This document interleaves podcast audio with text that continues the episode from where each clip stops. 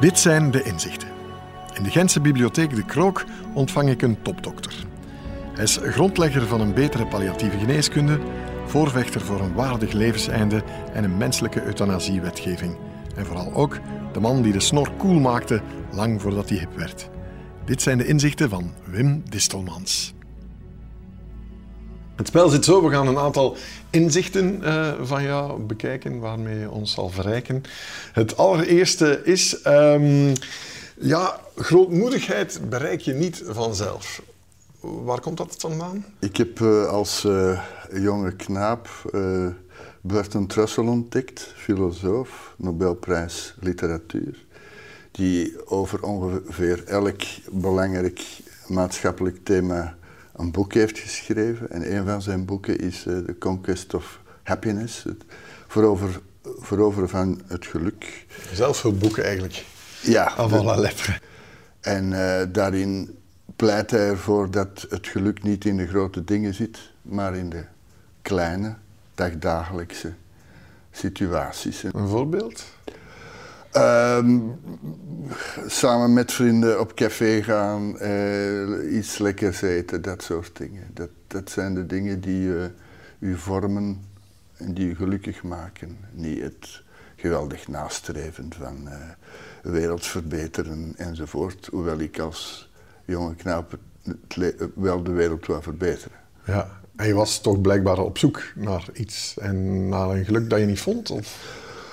Ja, toen ik 18 jaar was, dacht ik dat ik alles wist eh, als ik het ateneum had afgewerkt. En, uh, maar toen kwam het inzicht vrij snel dat het toch wel beperkt was, mijn inzichten.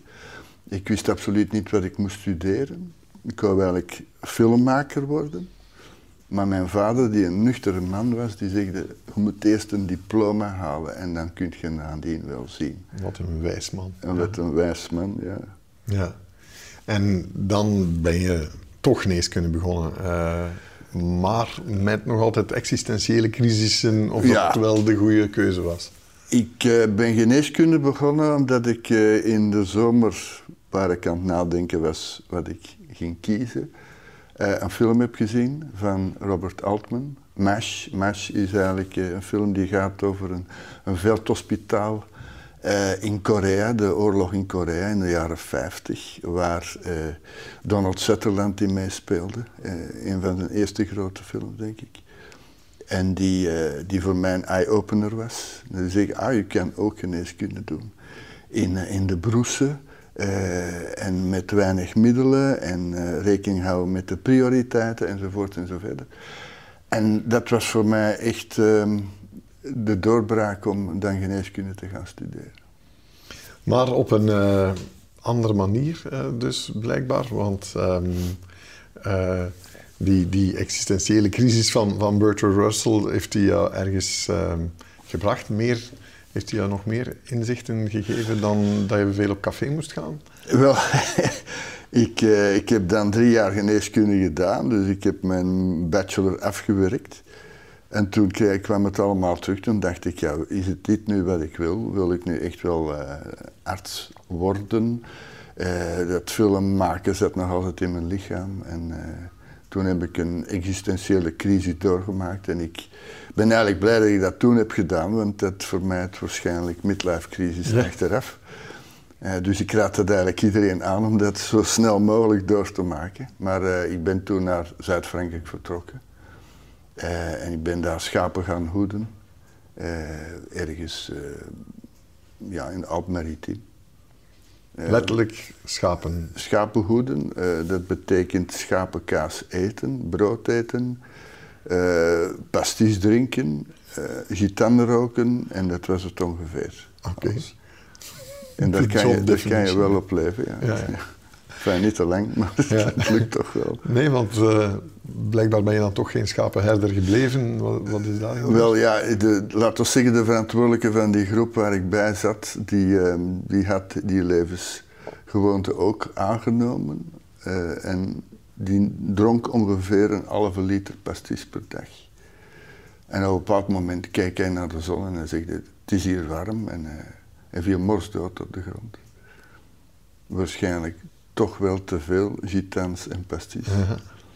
Ehm, en dat was de eerste dode die ik toen heb uh, opgemerkt. Dat was mijn eerste contact met, uh, met iemand die overleden was. En dat, heeft mij wel gechoqueerd. En toen heb ik gezegd, ja, leuke ervaring hier, dat schapen hoeden, maar misschien toch niet om heel je leven te doen.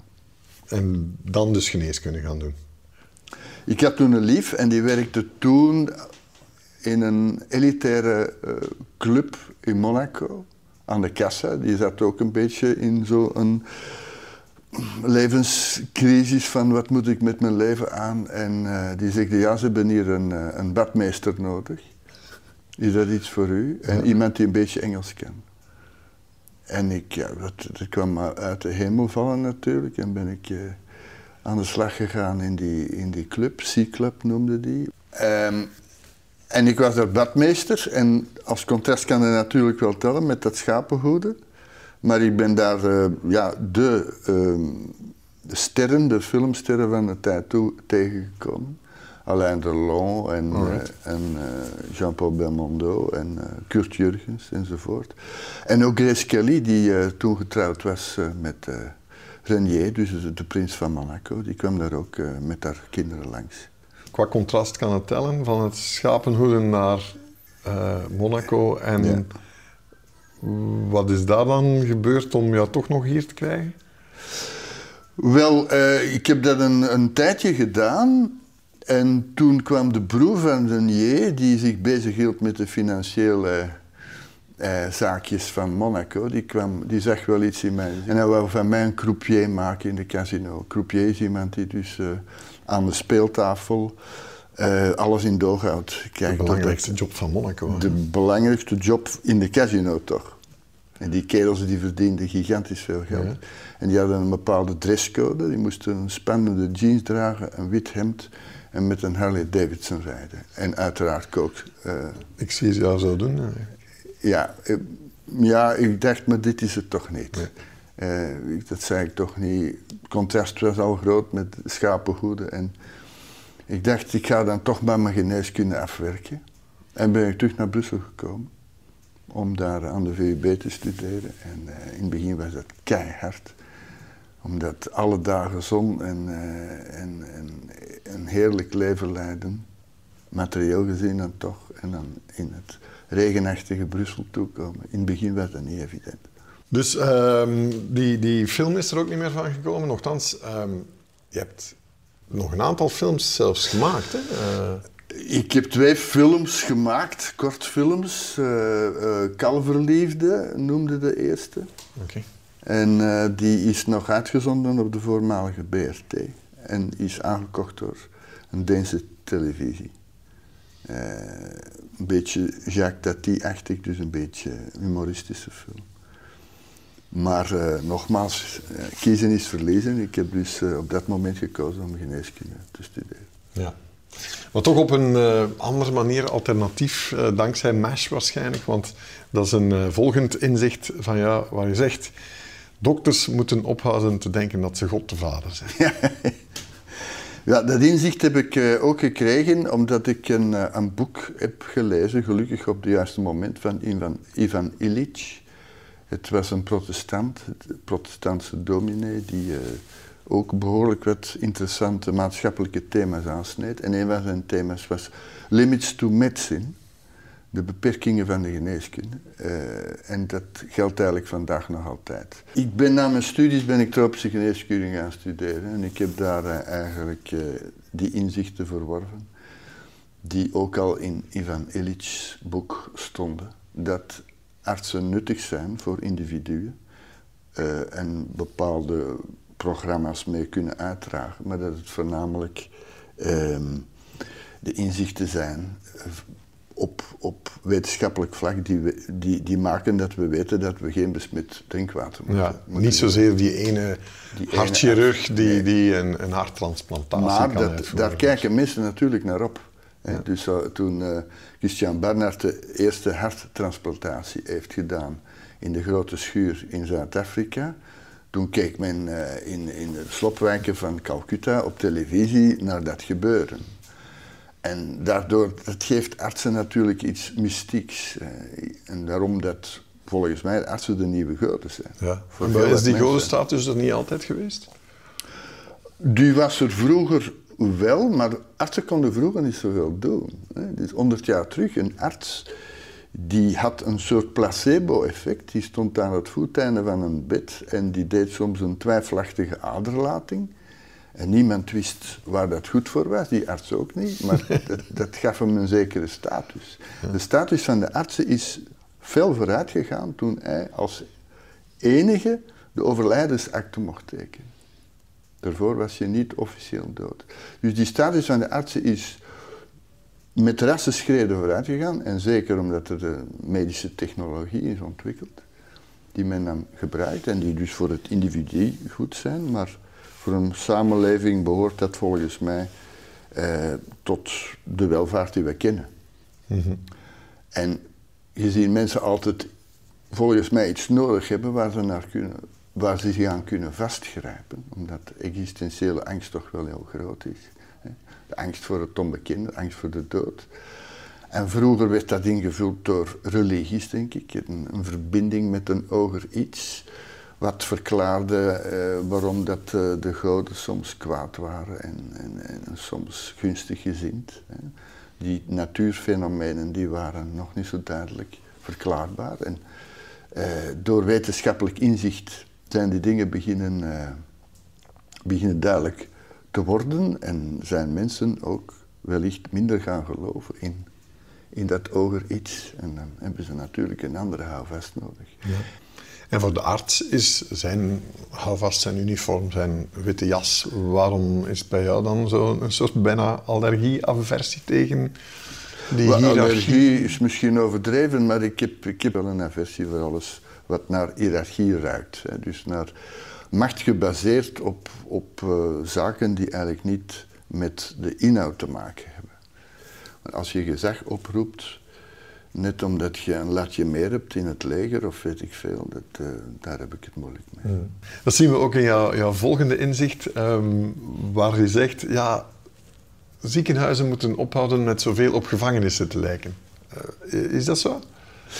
Wel, we hebben een, eh een bij ons die eh, een vergelijking heeft gemaakt tussen gevangenissen en ziekenhuizen of inst- zorginstellingen. En die begon haar lezing met een foto van een ziekenhuis en een foto van een gevangenis, een luchtfoto. En ze vroeg aan de zaal wat de gevangenis was en wat het ziekenhuis. En het was absoluut niet te zien wat wat, wat was. Dus eh, het blijkt dat die structuren heel vergelijkbaar zijn. Omdat eh, ja, je hebt, eh, als je op grootschalig bepaalde instituten voorziet, dan moet je rekening houden met een aantal eh, wetmatigheden, zoals op een gemakkelijke manier voedsel verstrekken en dat soort dingen. Die vooral interessant zijn, denk ik, voor de mensen die daar werken en voor de structuur, de architectonische structuur van de instelling, maar die niet gebaseerd zijn op eh, het welzijn van de personen die daar moeten zitten.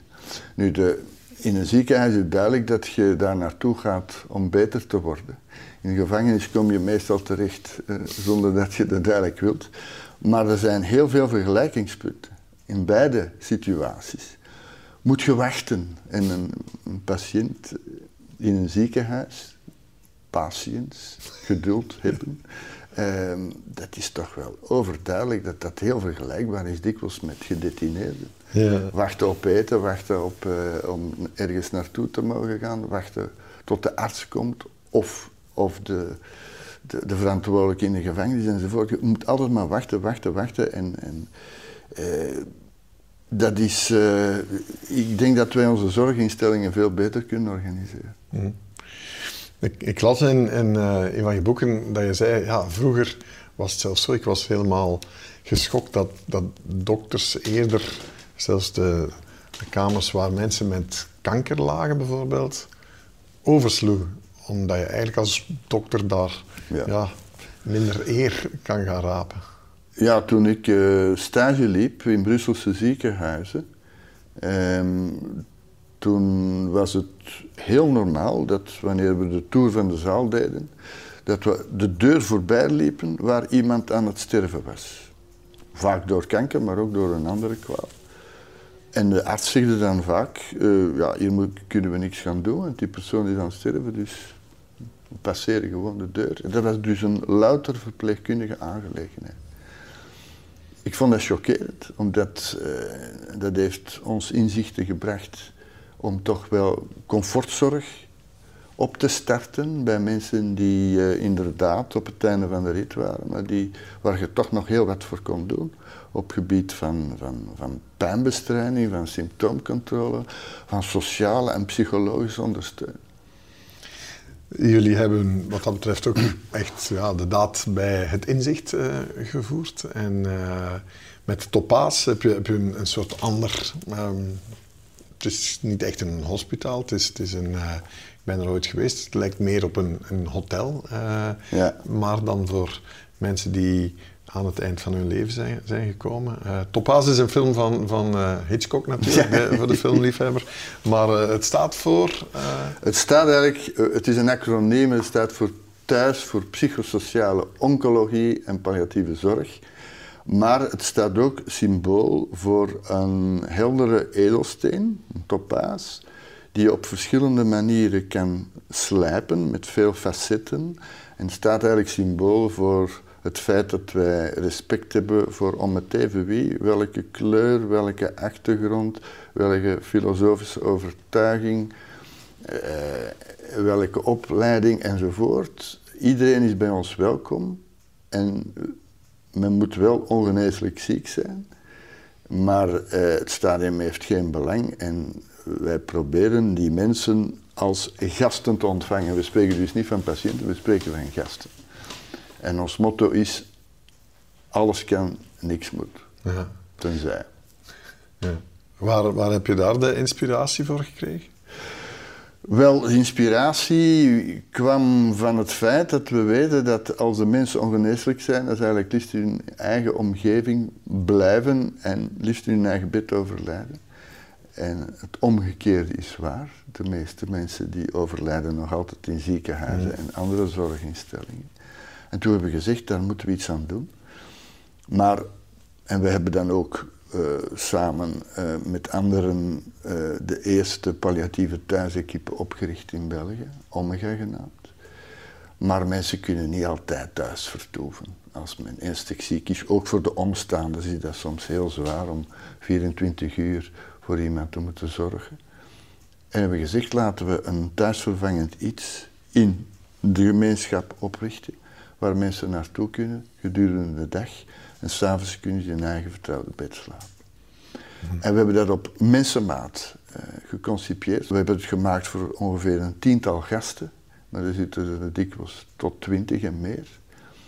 Maar we beschouwen die echt als, als gasten. En uh, het is niet omdat iemand ernstig ziek is dat je die uh, moet mijden als de pest, of dat je daar een taboesfeer moet onthangen. Dus wij eten samen, wij maken ook samen eten. Wij eten daar de meest lekkere dingen. We zitten daar ook, het is in tegen de Brusselse ring gelegen, dus we hebben daar verschillende nationaliteiten. Wat enorm verrijkend is voor iedereen. En eh, letterlijk tussen de soep en de patatten spreken wij over film, maar ook over uh, euthanasie, over uh, het leven zijnde, over uh, de mooie dingen van het leven, de minder mooie dingen van het leven. Dus in feite over alles. Ja, en daar komt je volgende inzicht vandaan.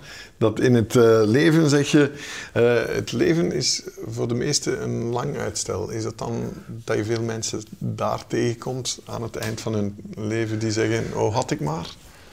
Het interessante aan, aan dit soort werk is dat uh, je onmiddellijk tot de essentie kan komen. Op het einde van het leven vallen de maskers af. Je ziet geen verschil meer tussen een bankdirecteur en een bediende aan het loket. Uh, men praat over de essentie, omdat men heel goed beseft dat de tijd eindig is geworden. En je kan direct tot op het bot gaan. En dan wat je meestal hoort, of heel dikwijls hoort van mensen, is... Spijt dus. Spijt. Had ik dit nog maar, had ik dat nog maar. Waarom hebben we daar zoveel uh, druk in gemaakt? Enzovoort enzovoort. Dus die levenslessen zijn onbetaalbaar. Ja. Geeft het voor jou ook een, soort ja, relativering dan van anders? Ja, van huis uit heb ik al heel wat relativeringsvermogen meegenomen van mijn vader. Die had een enorm zelfrelativering. En ook heel veel humor, dat gaat denk ik ons dikwijls samen. En, en, ik ben blij dat ik humor heb, want anders denk ik niet dat ik deze dop zou volhouden. Je moet... Ja, wordt er al eens gelachen? Uh, zijn er momenten van absoluut. schoonheid ook in, de wachtkamer van de dood? onwaarschijnlijk veel gelachen. Ja. Wij hebben het geluk van over meer dan uh, eh, 60 vrijwilligers te beschikken. Schitterende mensen. En we hebben die vrijwilligers... Chris Lomme komt daar zelfs... Uh, en Chris Lomme komt bij ons fantastisch. afwassen. Ja, ja. en andere dingen doen. En ehm, wij hebben de mensen geselecteerd op basis van elementaire aanwezigheid van humor. Ah, ja, dat zijn dat is examens. Ja? ja? Omdat uh, ik kan met, denk ik, heel wat mensen om, maar ik heb het redelijk moeilijk met mensen die totaal geen humor hebben. Daar knap ik op af, omdat ik geen, geen invalshoek vind bij dat soort mensen. Ja. Met al respect daarvoor. Mhm. En in die mensen die ja, treinen hebben laten passeren, uh, zeg maar. Hebben ze daar dan inzicht in? Uh... Ja, wat ik gemerkt heb, is dat toch de meeste mensen in hun leven allemaal een bepaalde trein hebben gekregen, of treinen hebben zien passeren, waar ze wel of niet konden opspringen, om dan in een andere richting te gaan. En ik hoor heel dikwijls van de mensen, had ik toen maar op die trein gesprongen en was ik nu wellicht had ik nu eh, mijn leven op een andere manier kunnen afronden enzovoort. En dan vraag ik me dikwijls af, want ik probeer die mensen daar niet mee te confronteren, want dat is te pijnlijk. Maar dan vraag ik me af, waarom is men niet op die trein gesprongen? Want men krijgt verschillende kansen. En wat is het antwoord? Ik vermoed dat dat vaak te maken heeft met angst, met uh, te willen vasthouden aan hetgeen men heeft. Uh, en dat is begrijpelijk, maar soms jammer. Uh, men zegt, ja, ik moet nog een huis afbetalen, ik heb nog dit en zus en zo, en ik heb kinderen om voor te zorgen. En daarom dat ik zo blij ben dat ik die existentiële crisis vroeg in mijn leven heb meegemaakt, omdat ik dan alle dingen een beetje meer heb gerelativeerd. En ik, ik ben niet onmiddellijk begonnen met het kopen van een huis en de last van een afbetaling enzovoort, zodanig dat ik mij vrijer kon bewegen in het kiezen van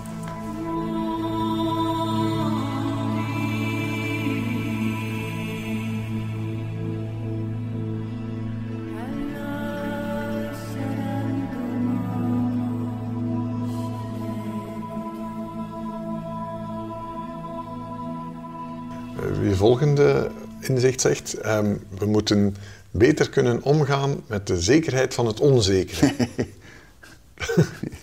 ja, um, dat is een, uh, een, duidelijke waarheid, maar toch wel heel belangrijk. Uh,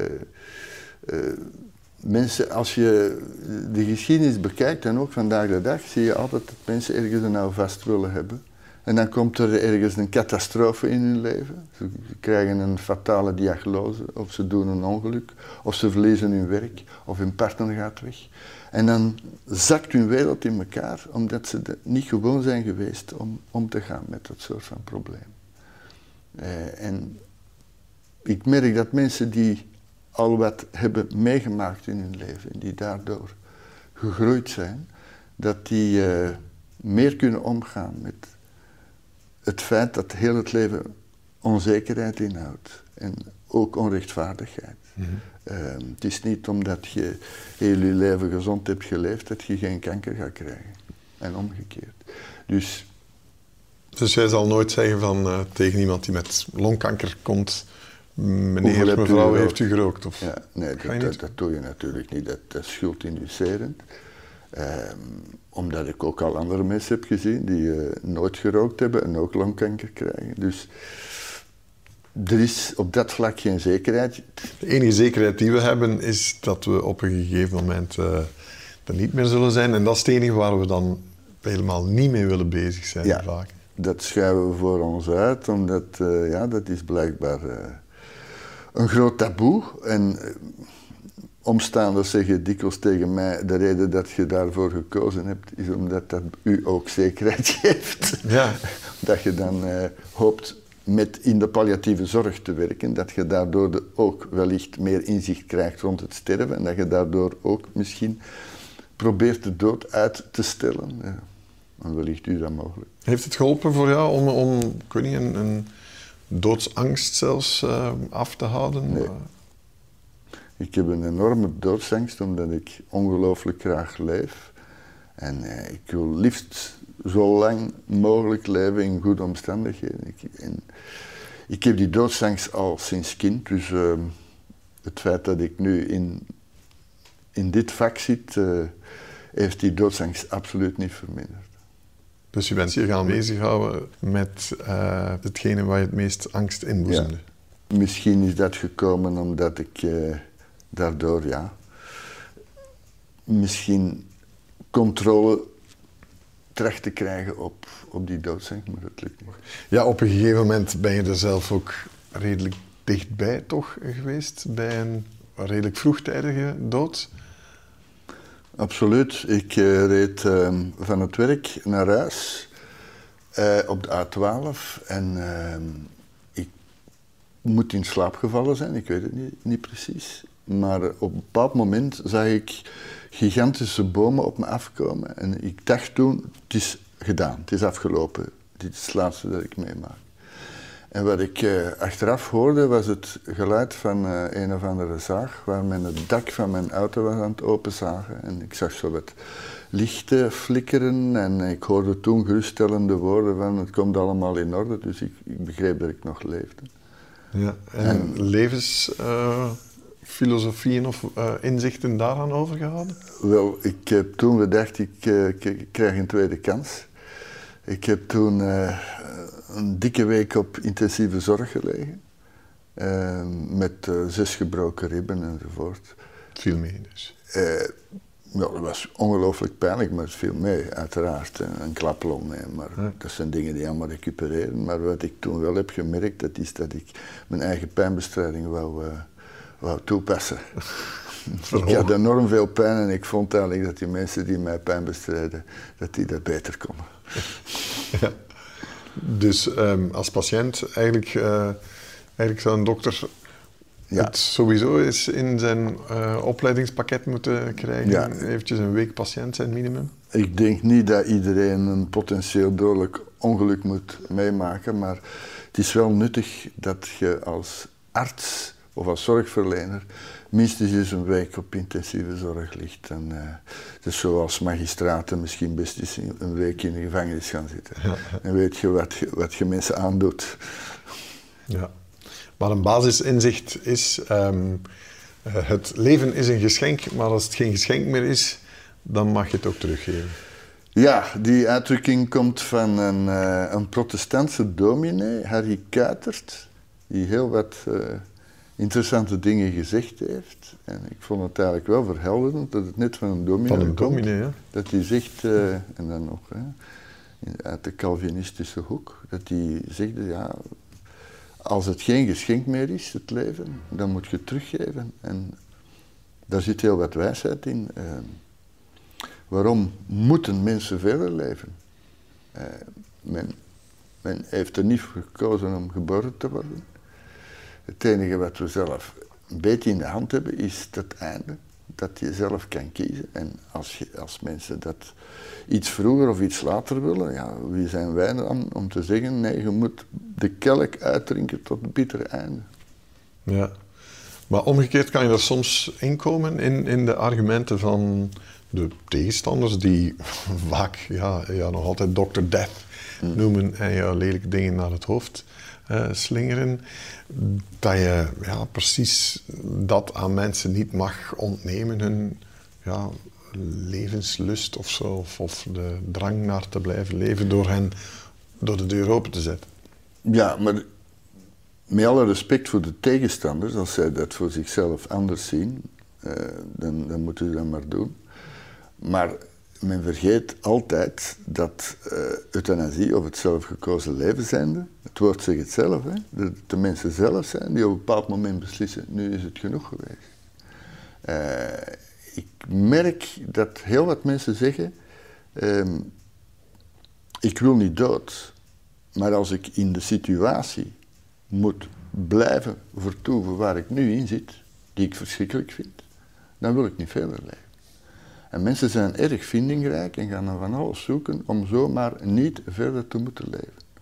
En bij sommigen groeit het inzicht na x tijd dat ze zo wel verder moeten leven. Wat ze niet willen. En dan kiezen ze dikwijls, vaak tegen hun zin, voor het alternatief, zijn euthanasie. En wij zijn wij dan om te zeggen, nee, je moet nog wel zo verder leven. Ze het zelf niet willen. Omdat ze ondraaglijk lijden, hè, want daar gaat het over. Dat dat nu psychisch is of fysiek, ze lijden ondraaglijk en niemand kan dat ondraaglijk lijden wegnemen. Ja. En waar sta je dan in de discussie in Nederland bijvoorbeeld rond voltooid leven, waar men zegt, ja, gewoon een nieuwe wet, iedereen boven de 75, die er geen zin meer in heeft, ongeneeslijk of niet, hun beslissing? Ik heb daar 100% eh, respect voor als mensen zeggen, voor mij is het leven afgerond en ik wil eruit stappen. Eh, maar we moeten een goed onderscheid maken tussen mensen die eh, zeggen dat ze een voltooid leven hebben en eigenlijk voor de rest niks mankeren. Die hebben geen uh, ziekte, geen aandoening, uh, waar je dus geen houvast aan hebt als arts. als mensen bij mij komen en zeggen ik ben klaar met leven, ik ik, ik, zit hier maar te zitten. Uh, ik kan perfecte televisie volgen en, en, en, en, ik kan nog zelfstandig eten en drinken en, en, weggaan enzovoort. Maar voor mij is het afgerond. Ik heb daar enorm veel respect voor. Maar ik weet niet of die mensen niet morgen of binnen korte tijd van gedacht veranderen. Omdat het niet door een ziekte is ingegeven. Hmm. Dat ze zogezegd ondraaglijk lijden aan het leven. En ik heb het al meegemaakt dat zelfs mensen van in de tachtig ineens in een andere situatie terechtkomen in een woonzorgcentrum. Er komen nieuwe bewoners waar het mee klikt en waar ze terug levensvreugde op, op, opnemen. En dat ze zeggen, ja, voor mij mag het nu nog weer even uitgesteld worden. Dus nogmaals, met alle respect voor mensen die eruit willen stappen, en ik denk dat we maatschappelijk dat debat moeten aangaan, maar ik voel mij niet competent als zorgverlener om te zeggen, ja, aan u geef ik een product om u van het leven te beroven. Omdat ik niet zeker ben dat dat de dag erop niet anders kan. En nogmaals, ik heb er geen pasklaar antwoord op. In tegenstelling tot bij polypathologie. Eh, polypathologie, dat zijn mensen die verschillende kwalen hebben. En dat is een beetje de keerzijde van de medaille van het feit dat wij nu gemiddeld meer dan 80 jaar worden. We worden altijd maar ouder. En uh, een polypathologie, dus mensen met diverse kwalen die op zichzelf misschien allemaal niet zo erg zijn. Minder goed zicht, minder goed gehoor, minder concentratievermogen, incontinent, hulp nodig bij eten en drinken. en we kunnen nog even doorgaan. Hè.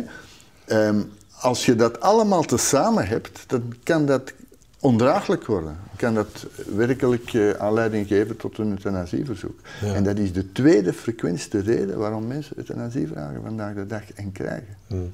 Maar begrijp je dan nog een keer dat mensen bijvoorbeeld ook in het buitenland zeggen van ja, maar kijk, voilà, hier, de deur is opengesteld en, en dan ja, krijg je een totaal nieuwe ethische discussie over wat is het leven nog waard. Hè?